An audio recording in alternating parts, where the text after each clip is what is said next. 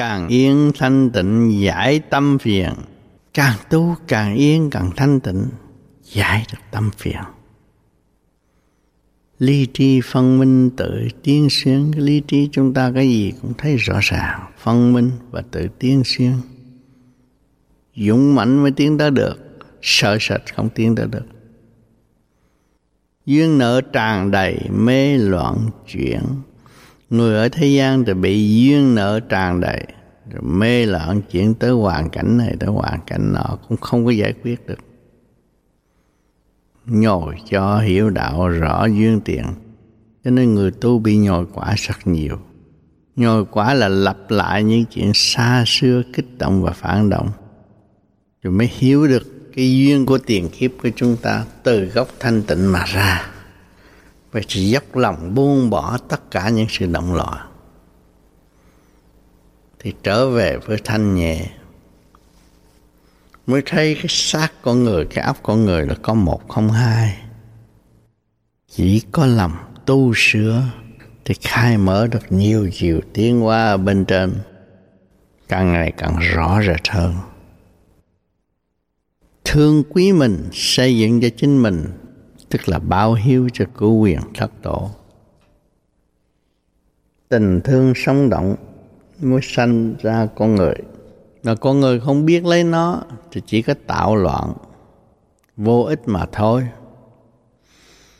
Như biết được chính mình thì thấy chúng ta đang ngự trên tòa sen của quý của trời đất. Ngự trong một cái thể xác phối hợp với kim mộc thủy hỏa thổ có ánh sáng có ngũ sắc, ngũ quan quyền sắc quyền quan. Khi mà thấu đáo được quyền sắc quyền quan là chúng ta sẽ có cơ hội ngự trên tòa sen và tiến hóa ở cõi trệt càng tu càng tiến, lãnh vực thanh tịnh càng ngày càng mở thêm. Không bị trói buộc trong sự eo hẹp, bất chánh người đời gọi là sân si vọng động. Chúng ta là người tu phải giải quyết tất cả những sự vọng động. Tìm sự vọng động từ đâu đến? Thấy rõ từ lòng tham đến. Cho nên phật nói không sai. Tham, đứng đầu, sân si hỉ nộ, ái ố dục. Tất cả do cái tham từ đầu mà phát sinh ra nhiều chuyện như vậy chúng ta tu hướng về thanh tịnh, thấy tham là tạo nghiệp, thì càng ngày càng bớt tham. Muốn bớt tham thì phải làm sao? Thật thà với chính mình, một là một, hai là hai, có là có, không là không. Không nên bia đặt mà tạo khổ cho tâm thân. Giải quyết được kiếp này mà ảnh hưởng nhiều kiếp là công đức rất lớn ảnh hưởng được nhiều người là công đức rất lớn. Chúng ta biết thể xác này liên hệ với càng không vũ trụ mà chịu lắp lại trật tự, thì tương lai sẽ ảnh hưởng được nhiều người, tự tu tự thật. Trong thực hành, lưu lại kỷ niệm cho nhân gian, thì nhân gian sẽ cùng tu, cùng tiến. Trong sự dũng mãnh thức giác và quy gia sự thanh tịnh chịu sống trong sự thanh tịnh để hòa hợp với cõi trên thì không còn thứ thắc mắc ở trần gian nữa. Quý trọng thương yêu trời Phật là quý trọng thương yêu thể xác này. Quý trọng thương yêu trời Phật, quý trọng thương yêu nhân loại. Quý trọng thương yêu trời Phật là cứu rỗi phần hồn, vượt khỏi sự đau khổ. Mới cảm thức giá trị thanh nhẹ của thượng đế từng hằng hữu ân ban trong tâm thức của mọi người. Nhưng người chưa thức giác, chỉ tạo động làm rối ren khối thần kinh sẵn có từ cơ tạng đến khối óc. Thì sự tiến hóa không có, không tiến mà chỉ có lùi. Rốt cuộc có nhiều người làm người một thời gian thấy chán, làm không được, tu không được, làm gì cũng không được rồi uống thuốc tự tử cho nó xong nó tội nặng lắm Thượng Đế đã ban cho chúng ta một cơ cấu kích động và phản động nhồi quả cho phần hồn được tiến hóa tốt đẹp trở về quê xưa chống cũ mà không chịu hành. Đó là tội rồi. Lúc chết phải thọ tội. Thượng Đế ban chuyện nhẹ mà không truy tầm, thì Thượng Đế cho ngược lại chuyện nặng để gánh vác. Cho nên người chết xuống địa ngục khổ lắm, thiếu tất cả mọi phương tiện, chỉ có khóc lóc, không có tiền hoa nói. Lúc đương tiền không chịu giúp chính mình, thì lúc chết thì mình cũng phải suy đồi. Luật của thượng đế đã ân bạn, đã sắp đặt. Cho nó cái nhẹ, nó không nhận, thì phải cho nó cái nặng để nó gánh vác thì nó cũng tiến thân thôi. Sau cái gánh vác đó là tiến thân. Mà luân hồi làm thú là phải hy sinh. Càng hy sinh, càng được tiến hóa cao. Cho nên thú ở thế gian nuôi lớn là làm thịt. Không cho nó sống một cách an yên như vậy được. Có luật dạy, nó tiến hóa. Cho nó khổ mới tiến cho nên ở thế gian lái xe đụng thế chết ra tòa xong, nhưng mà xuống địa ngục, còn thọ tội nữa. Tại sao địa ngục ác như vậy? Tôi đã chạy chọt xong ở trên này, mà xuống kia tôi còn bị nữa. Luật là luật không có thay đổi. Nhân nào quả nấy. Đâu phải có tiền vận động là hết tội đâu. Tội vẫn sơ sờ cho nên những người có tiền nên coi chừng. Không phải là tôi có tiền, tôi vận động được là tôi qua khỏi. Rốt cuộc chết phải lãnh đủ không có quốc ức gì nữa. Được trở lại làm con thú là quý rồi có cơ hội hy sinh. Sau cái hy sinh đó mới hiểu đạo nhiều hơn. Cứ vậy mà tiến hóa. Nhiều người nói tu theo pháp này, thế gian hết người. Không hết đâu và luân hồi luân hồi, tiến hóa tiến hóa còn rất nhiều. Nếu chúng ta không dứt khoát hành thì không cứu được mình và chẳng cứu được ai ở tương lai.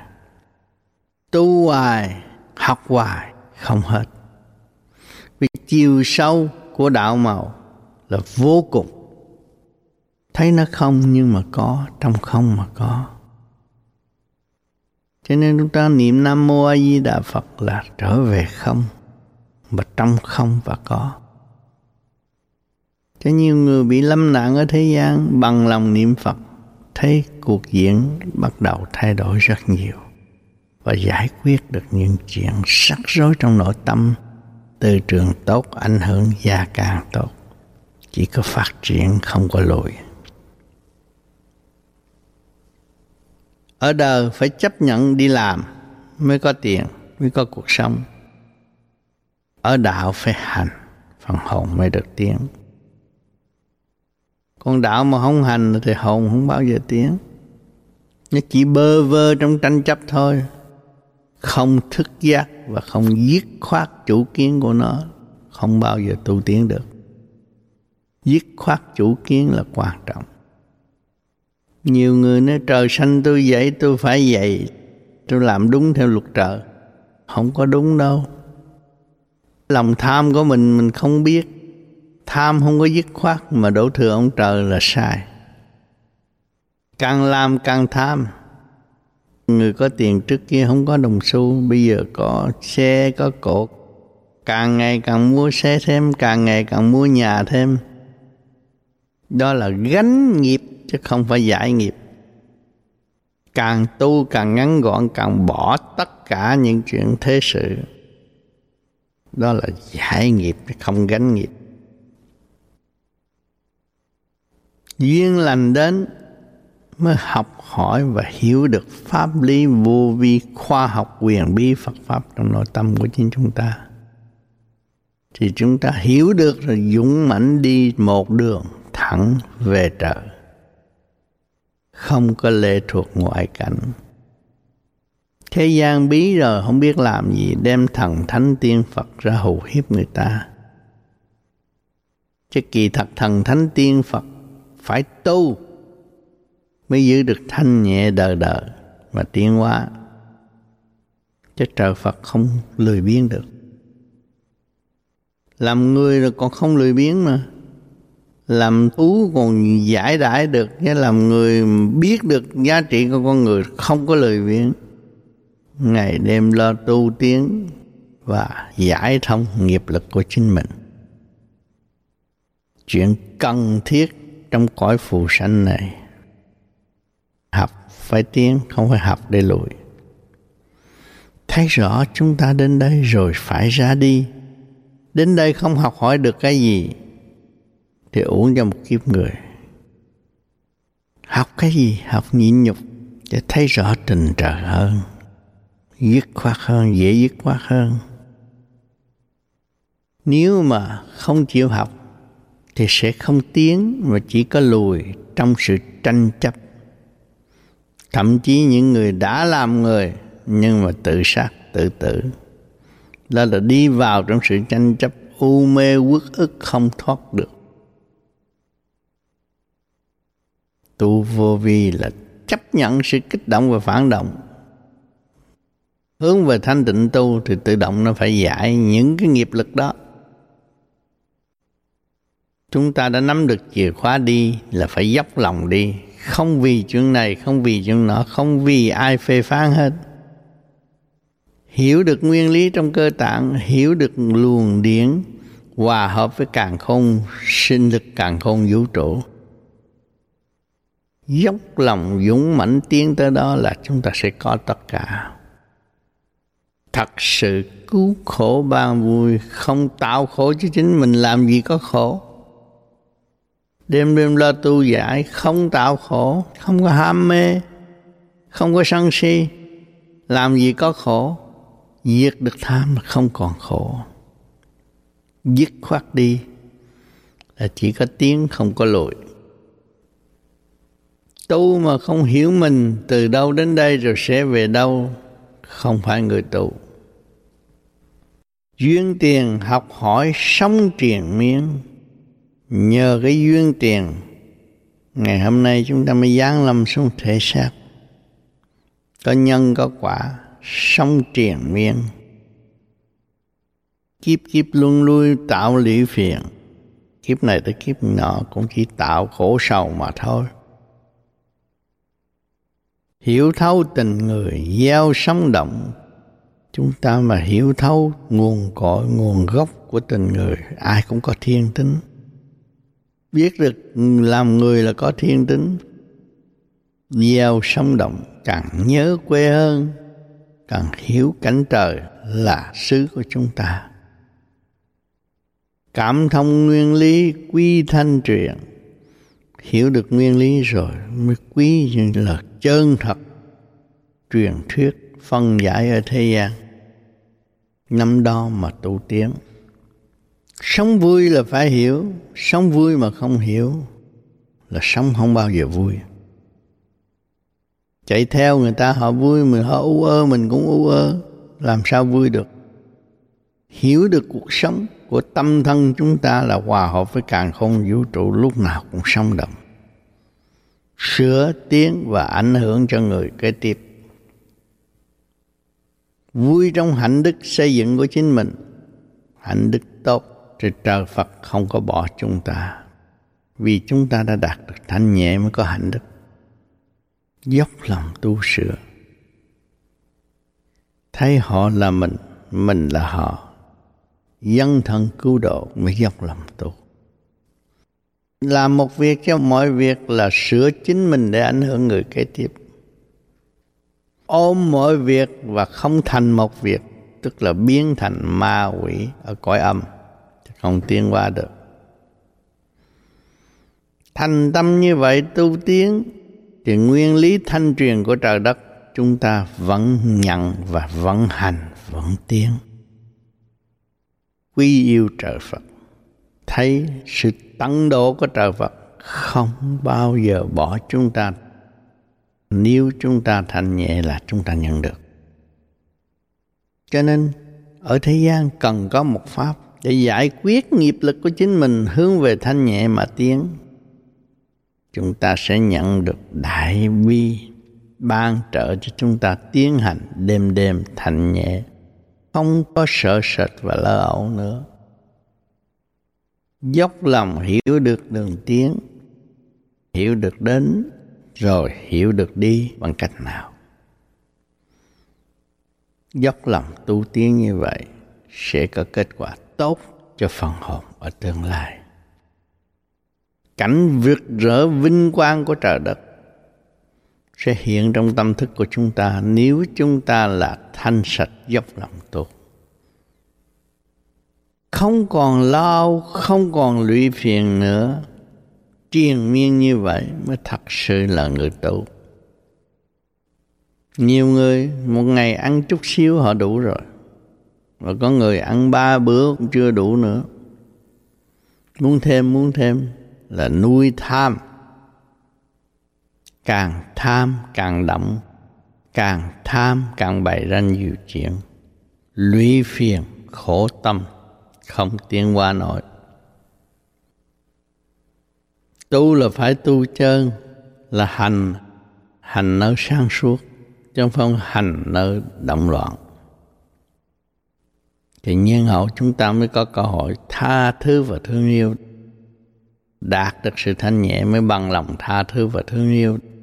Thấy cái của thế gian không phải của của chúng ta, cái chúng ta có không phải của chúng ta. Trời phật cho.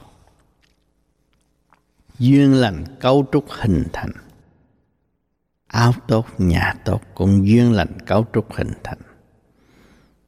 Thì ta là niệm phật để hiểu cái giá trị của chân không mà tiến hóa tu mà không hiểu được sự chân không của tâm thức thì đời đời lệ thuộc.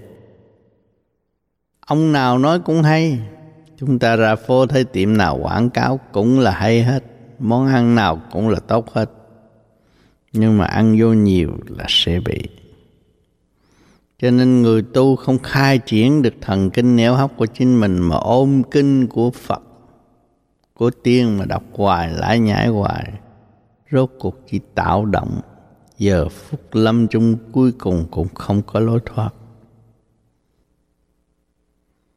Đọc sách nhiều chừng nào, càng đóng nhiều chừng nấy, mà thực hành nhiều chừng nào thì giải được sự động loạn thì mới thấy giá trị của sự thanh nhẹ và tiến thần. Pháp lý vô vi chỉ thực hành lấy nguyên lý của trời đất để giải tâm thân, tiến hóa tới thanh nhẹ vô cùng mới thật sự người tu. Pháp lý vô vi khoa học quyền vi Phật Pháp là thanh nhẹ.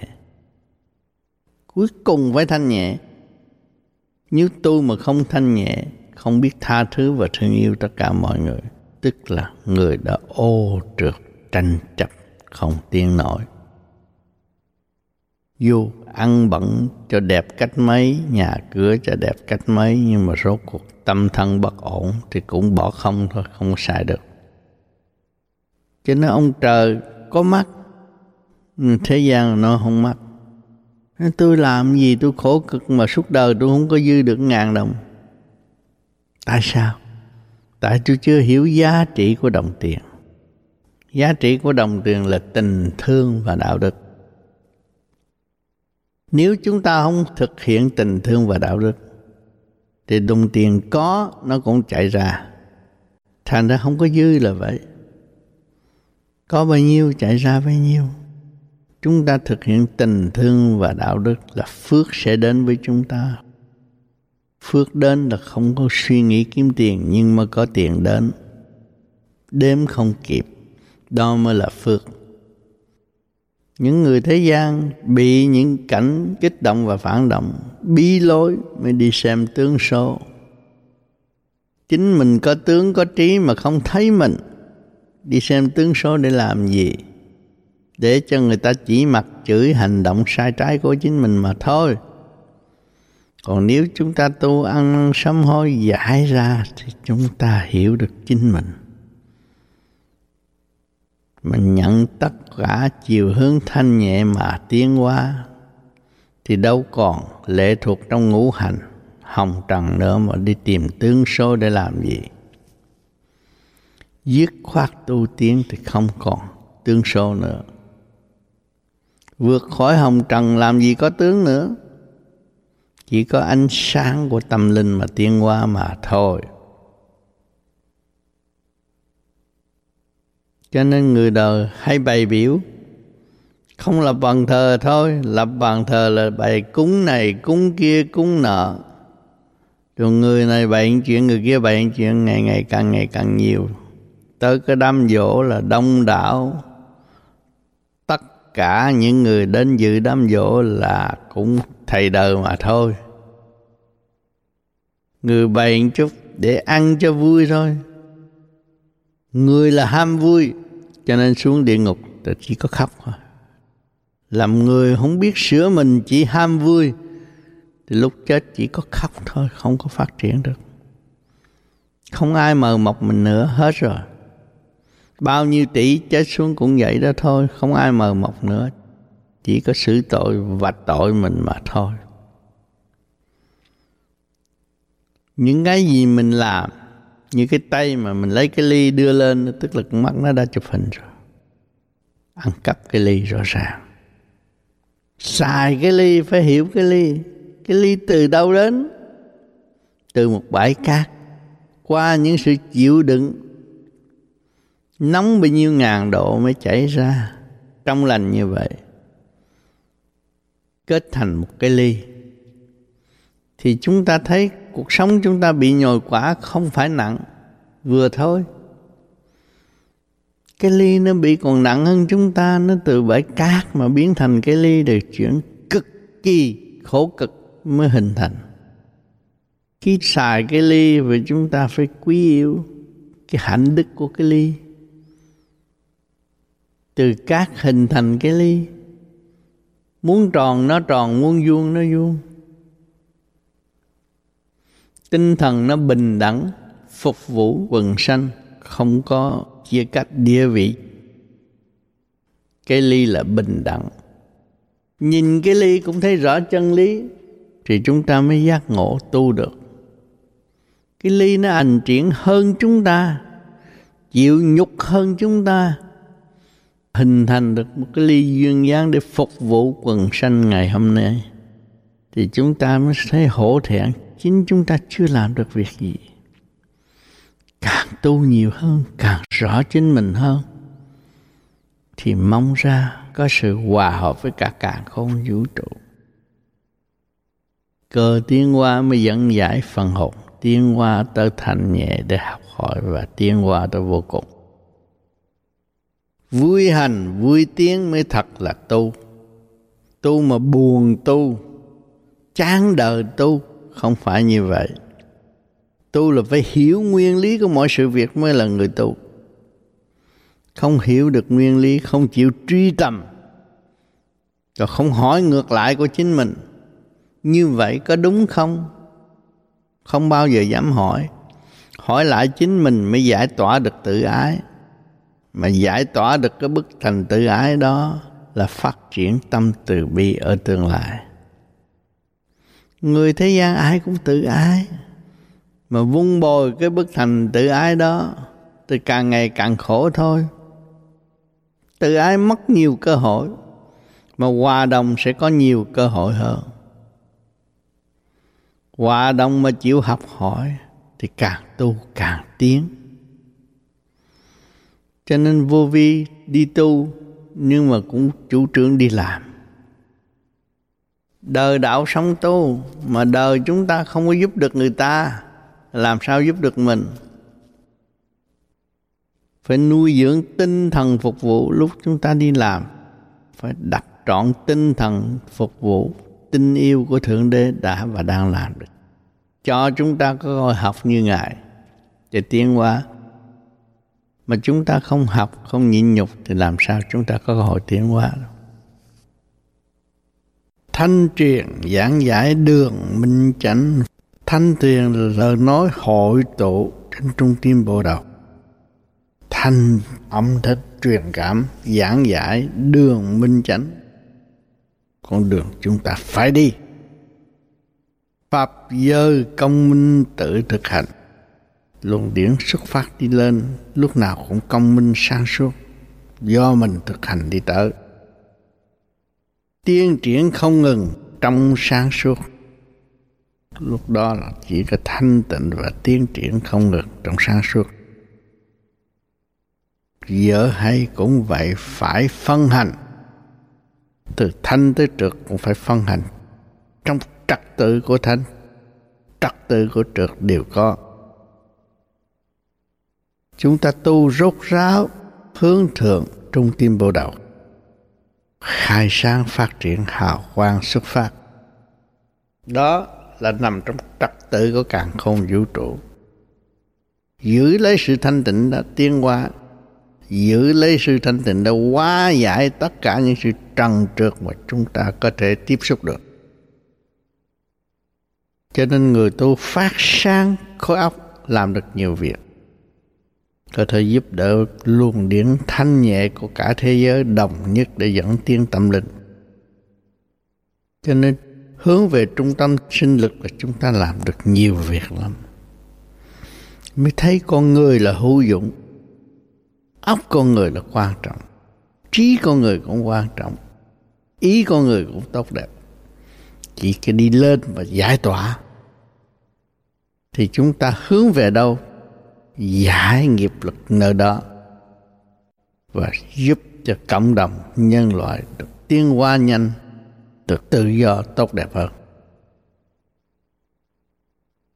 Người tu võn vẹn chỉ có phần hồn. Nếu mà chúng ta phủ nhận phần hồn thì tu làm gì? Tại sao chúng ta có trí thông minh để suy xét hơn con thú?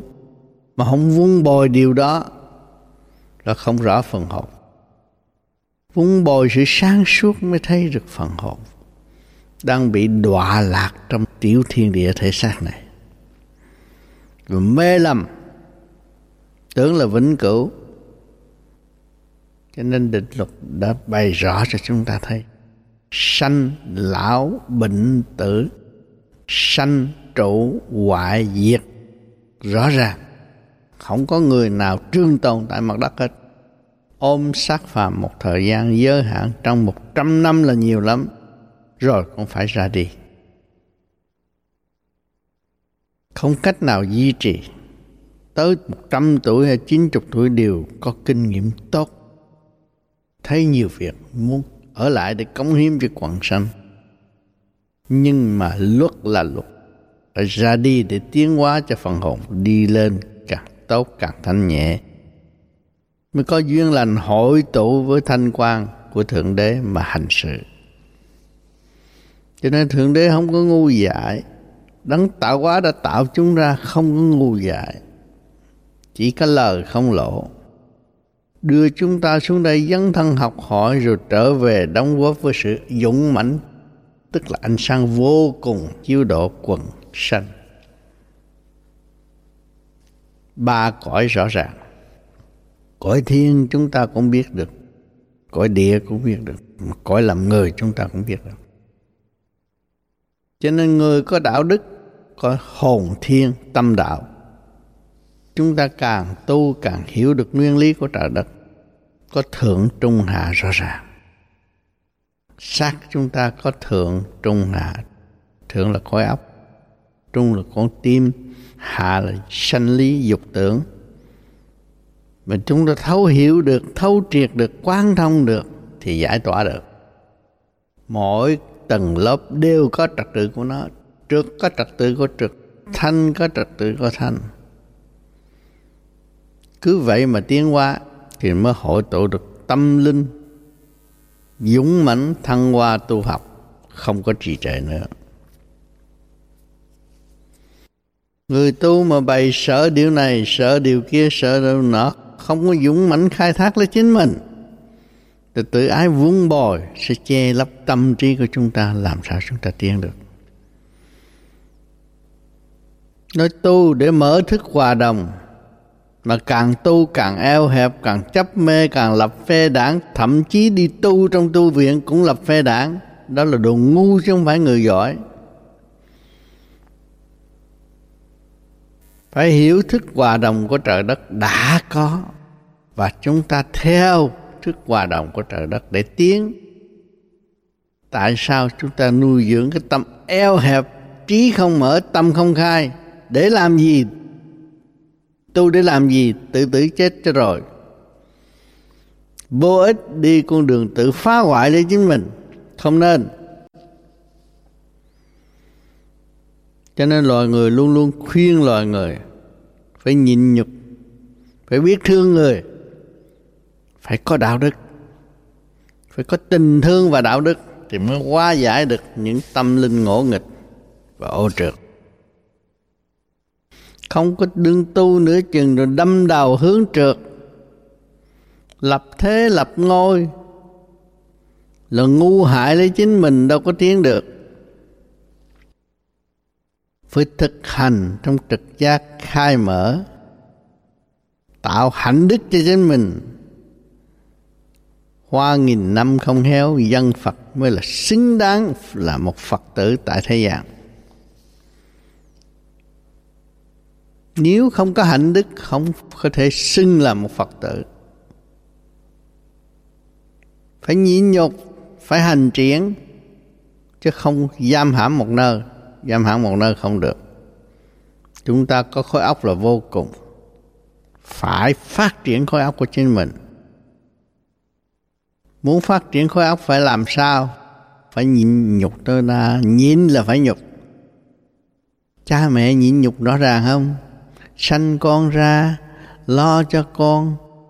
Rồi, những sự ngỗ nghịch của con cha mẹ cũng chỉ biết cười và vượt qua những khổ cảnh ở trần gian. Tình mẹ rất cao quý, không khác gì một mặt biển tốt đẹp, phục vụ và lo lắng cho đứa con thanh sạch tốt đẹp. Tình cha lại vô cùng. Không có nguyên khí của trời đất, làm sao sanh trưởng ra con người? Chúng ta phải biết cha là trên hết. Tinh ba của nhân loại có thể hòa hợp với tinh ba của vũ trụ gốc gác từ ở trên đó xuống. Chúng ta thành hình nhờ cha. Cho nên tâm thức của mọi người không có thể vắng cha được. Tình thương và đạo đức do cha. Cho nên cha mẹ là quan trọng. Người tu phải có trọn hiếu. Muốn trọn hiếu thì phải thế nào? Phải tu, phải hiểu mình, phải khai sang lên mình, mới kêu mình trọn hiếu cha mẹ không muốn mình ngu dốt, cha mẹ không muốn mình bệnh hoạn. Cha mẹ không muốn mình hoạn nạn thì mình phải tu sửa sang suốt để dân hiến lòng thành quý yêu cha mẹ, trời Phật và nhân loại. Mới tiến về chánh giác người tu vô vi thực hành, đứng đắn tha thiết muốn người kế tiếp thực hành. Lấy nguyên khí của trời đất làm cho mình khỏe mạnh, khai tâm mở trí, dũng mãnh tu hành, không sợ ma quỷ nữa. Vì chúng ta đã vượt khỏi sức hút của hồng trần, không có quỷ lôi ma kéo nữa. Thực thi chánh giác tận độ quần sanh. Người tu vô vi, tất cả cái gì cũng không màng, không thiết. Tức là trong không. Tiếng về trong không mà có. Cho nên người nào dốc lòng tu thì mọi việc sẽ tốt, sẽ êm đẹp và an bài tốt đẹp. Nhưng mà ngỗ nghịch, độc tài, ích kỷ, chia phe lập đảng là bị đọa chứ không có tiếng được. Bảo đảm với các bạn như vậy trời phật không muốn người ghét người. Trời phật muốn người thương người và xây dựng cho người tiến. Chứ trời phật không có dưa phe này, phá phe kia, không có vụ đó. Thực tâm hành triển thì chỉ hội tụ trong sự sáng suốt, vinh quang, chứ không có trì trệ nữa. Dốc lòng tu phải hướng tâm như vậy mà hướng tâm về đường dục thì càng khổ thêm. Tự phá hoại tâm thân, phá hoại thể xác của chúng ta, làm sao chúng ta có cơ hội tiến qua được? Hướng hạ là phá hoại, mà hướng thượng là hội tụ tốt đẹp, vinh quang ở tương lai. Đường lối xây dựng rõ ràng trong nội thức của mọi người quyền bí trong nội thức của mọi người phải phát triển đi lên. Kiểu khoa học, quyền bí. Khoa học là chúng ta sống ở đời kích động và phản động, chê khen đủ thứ. Nhưng mà chúng ta phá vỡ được cái vách tường tự ái là chúng ta tiến hẳn về chỗ thanh nhẹ, tức là khoa học. Quyền bí ở chỗ đó tiến tới, càng ngày càng tiến tới. Nguyên khí của trời đất đã rửa sạch tâm thức của chúng ta. Chúng ta chỉ hòa ai tương thân mà tiến qua không nên trì trệ nữa. Biết cõi thế gian là cõi tạm. Hành để giải nghiệp, hành để tiến hóa, hành để đạt tới mục đích cuối cùng, hòa hợp với ánh sáng diệu thanh của trời đất, của chư Phật mà tiến hóa. Cảnh vui vô cùng, đẹp vô cùng, cởi mở vô cùng chỉ ta dứt bỏ trần tâm thì có cơ hội đạt tới đó. Đêm đêm cứ hành thiền như vậy. Tánh tình phải thay đổi. Nếu mà đêm đêm hành thiền mà tánh tình không thay đổi, ngoan cố sẽ bị loại bỏ chắc chắn như vậy. Cuộc đời nó không phát triển nữa, tới đó thôi hết rồi. Ông trời cũng phải bó tay, tiên phật cũng phải bó tay. Không cứu giúp được những loại người đó phân hành thanh trượt tự phân minh. Chúng ta phân hành mọi việc, đâu đó nó có trật tự, có thanh, có trượt, phân minh rõ ràng. Các giới điêu linh tại chính mình. Chính mình không chịu phân tách rõ ràng mọi sự việc thành điêu linh. Nguyên lý thông hành trong thức giác. Nguyên lý mà chúng ta thông suốt rồi, hành triển trong thức giác thức tâm chịu buông bỏ tất cả những gì vá víu tại thế gian. Bình tâm học hỏi tự mình minh, lúc nào cũng quân bình, bằng lòng học hỏi và hiểu rõ ràng sự việc đó mới là người tu. Con người ở thế gian phải quân bình mới rõ cái nhân quyền của trời đất đã ân ban. Từ tâm lẫn thân, có xác, có hồn mới là rõ giá trị của nhân quyền. Chứ không phải hô hào đòi hỏi nhân quyền, tham của lộn xộn. Sát hại người này, sát hại người nọ, có ích gì cho chính mình mà cũng chẳng có ích gì cho quần sanh. Tạo tội cho đôi bên không tốt, cho nên xã hội không tốt. Gây thêm trượt, rồi ôm trượt, rồi tưởng là mình hay hơn, thanh giới. Hay hơn trời Phật rồi tự đắc sanh nạn cho nên ở thế gian có nhiều chế độ để chúng ta chứng minh chế độ vô thần không có tâm linh. Mà chế độ có tâm linh thì thật sự đời đạo song tu sẽ đem lại sự an vui tự do tốt đẹp cho mọi người. Không có ràng buộc đối phương. Vì đối phương đã có sẵn, thượng đế đã đặt máy trong óc nó rồi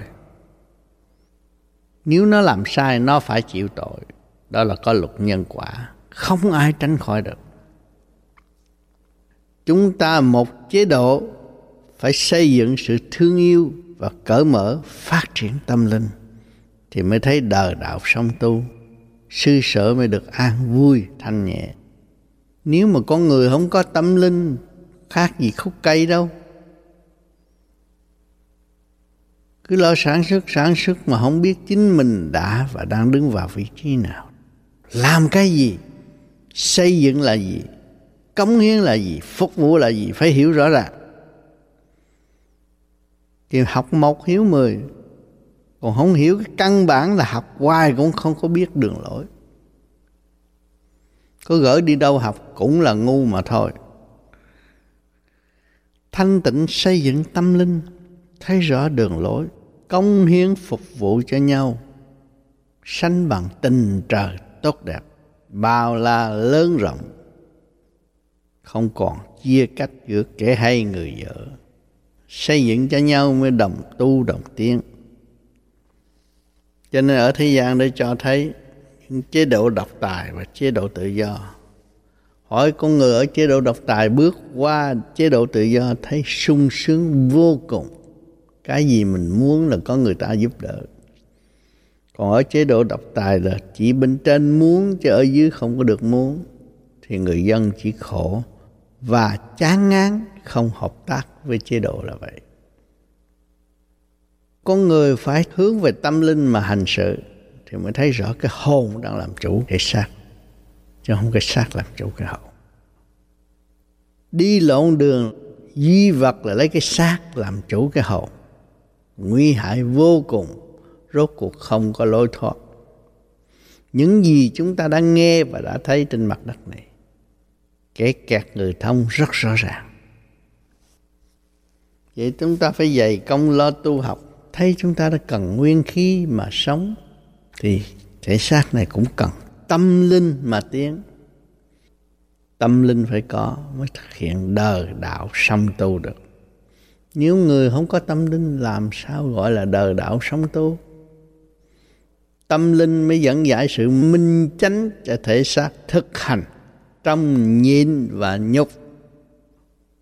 Chịu nhục là mới đem được sự hòa đồng cho tất cả mọi người, tái lập một xã hội tốt đẹp. Hướng tình trời mà thực hành, vui biết là bao nhiêu? Những người xuất hồn được, lên được thiên cảnh đâu có thấy cái chỗ nào mà bận rộn như thế gian đâu. Chỗ nào cũng an lạc, trật tự, vui đẹp. Cây không có cây cong quẹo như thế gian, cây là thẳng băng, tốt đẹp. Đâu đó nó có trật tự, màu nào sắc nấy có tiên ứng hậu. Thế gian cũng có màu nào sắc nấy, nhưng mà có tiền là mua gì hưởng thôi. Tạo động cho chính mình độc tài mà không hay. Không hiểu được nguyên lý cái sở hữu là đồng tiền mình có. Cái hoa mình đang chứng mình hiểu cái nguyên lý của trời đất đã hình thành và lưu trữ nó. Có nơi, điện giới, có lưu trữ thì lúc nào cũng còn bông cúc, cũng còn bông hưởng dù có cắt bao nhiêu cũng còn. Là nhờ điện giới quá quá xanh xanh, không ngừng nghỉ. Hiểu được nguyên lý này thì mới thấy rõ sự tự do của trời đất có. Nhân quyền của trời đất có hết sắp đặt cho chúng ta đầy đủ. Có tâm linh mới có nhân quyền. Có hồn mới hiểu được tự do phát triển nơi thiên quốc ở chỗ nào. Được tự tu, tự tiến, tự đi mới là xây dựng được. Mỗi người đều như vậy thì quốc thái dân an, tốt đẹp không có bị những chiến tranh ngu xuẩn lễ tể ác hại với nhau mà không tiến bước nổi. Cho nên cả thế giới đã thay đổi, mới đặt ra siêu cường quốc. Nước có văn minh là nước đó hấp thụ đạo đức nhiều, hấp thụ kinh thánh nhiều, hấp thụ kinh kệ hiểu nguyên lý rõ ràng và kính trọng trời phật. Tâm tu tiến dễ tha thứ và thương yêu thì nó mới đồng nhất trong xây dựng được. Còn ràng buộc là không có đồng nhất. Trong tự nhiên thấy trai lớn lấy vợ, gái lớn lấy chồng. Đó là trời đã đặt luật rồi. Có gia đình là có luật rồi. Cái luật nhân quả rõ ràng. Có vợ, có chồng mà không có nhân đạo thì sanh con không có đẹp không có thông minh. Có luật lệ rõ ràng. Vợ chồng mà hằng học hoài thì sanh mấy đứa con cũng hằng học, cũng ngu si vậy thôi, không có tiến qua nổi. Mà vợ chồng hòa ái tương thân với nhau thì để đứa con thông minh, học giỏi, ít gây phiền muộn cho gia càng. Ở đời này chúng ta thấy rõ tuổi trẻ càng ngày càng văn minh, gia đình càng ngày văn minh, hấp thụ được nền văn minh tự do. Biết thương con và không có đánh đập con. Xây dựng cho con trong mọi sự nhịn nhục để hỗ trợ cho nó tiến hóa. Thì đứa con lớn lên nó đi học thông minh hơn những người bị đánh. Nó không có uất ức, nó không có sợ sệt. Nó bình đẳng đối với thầy nó cô nó, thì nó mới hấp thụ được cái hay mà tiến thân. Làm cha mẹ gây gắt với con, nói hành nói tỏi, hành hạ con, nhục mạ con, là cái trí nó không có mở.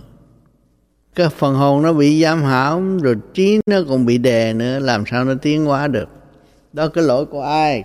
Có lỗi của người mẹ là người gần nhất phải biết xây dựng cho đứa con không nên trách móc đứa con. Phải bình tâm để hiểu vị trí của nó đang phát triển đi tới chỗ nào và phục vụ cho nó. Đó là người mẹ hiền. Còn người mẹ nói, tao khổ cực, tao đi làm tiền, tao nuôi bay mà không nghe tao lấy dao tao chém bay cái đó là chỉ gây ác cảm. Tự cắt đứt sự âu yếm giữa mẹ con. Thì nói gì con cũng không nghe mà nói tới chồng chồng cũng không nghe. Thấy mình, cô đơn, khổ cực mà cô đơn. Ai đã làm cái cảnh đó? Chính mình đã làm. Nên ăn năn sám hối. Hiền thế là hiền thế, từ mẫu là từ mẫu. Nghiêm phụ là nghiêm phụ. Đâu đó nó có vị trí hết. Mà chúng ta không làm là mất vị trí. Mất vị trí là loạn xạ nói bậy, nói bạ, lộn ngôn, không tốt. Rồi gây ảnh hưởng xấu cho các con các con tiến lên cũng là nghĩ chuyện xấu cho người khác, làm cho cái xã hội ô trượt. Lâu ngày nó hình thành một khối độc tài và không giúp cho xã hội được tiến hóa, thành ra kinh tế càng ngày càng lụng bại, khổ càng ngày càng gia tăng. Mà trả lại sự tự do cho chính nó nó là cũng con người biết tấn, biết thối, khôn ngoan, phải để cho nó tự phát triển.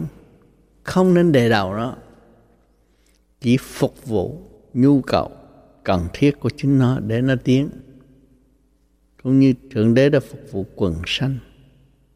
Con muốn chiến tranh thì con cứ làm chiến tranh đi. Và con muốn thương yêu thì cứ làm thương yêu được cái gì đều tự do hết.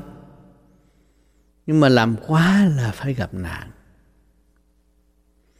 trên mặt đất này có chỗ nào làm quá là chỗ đó phải gặp nạn, rõ ràng.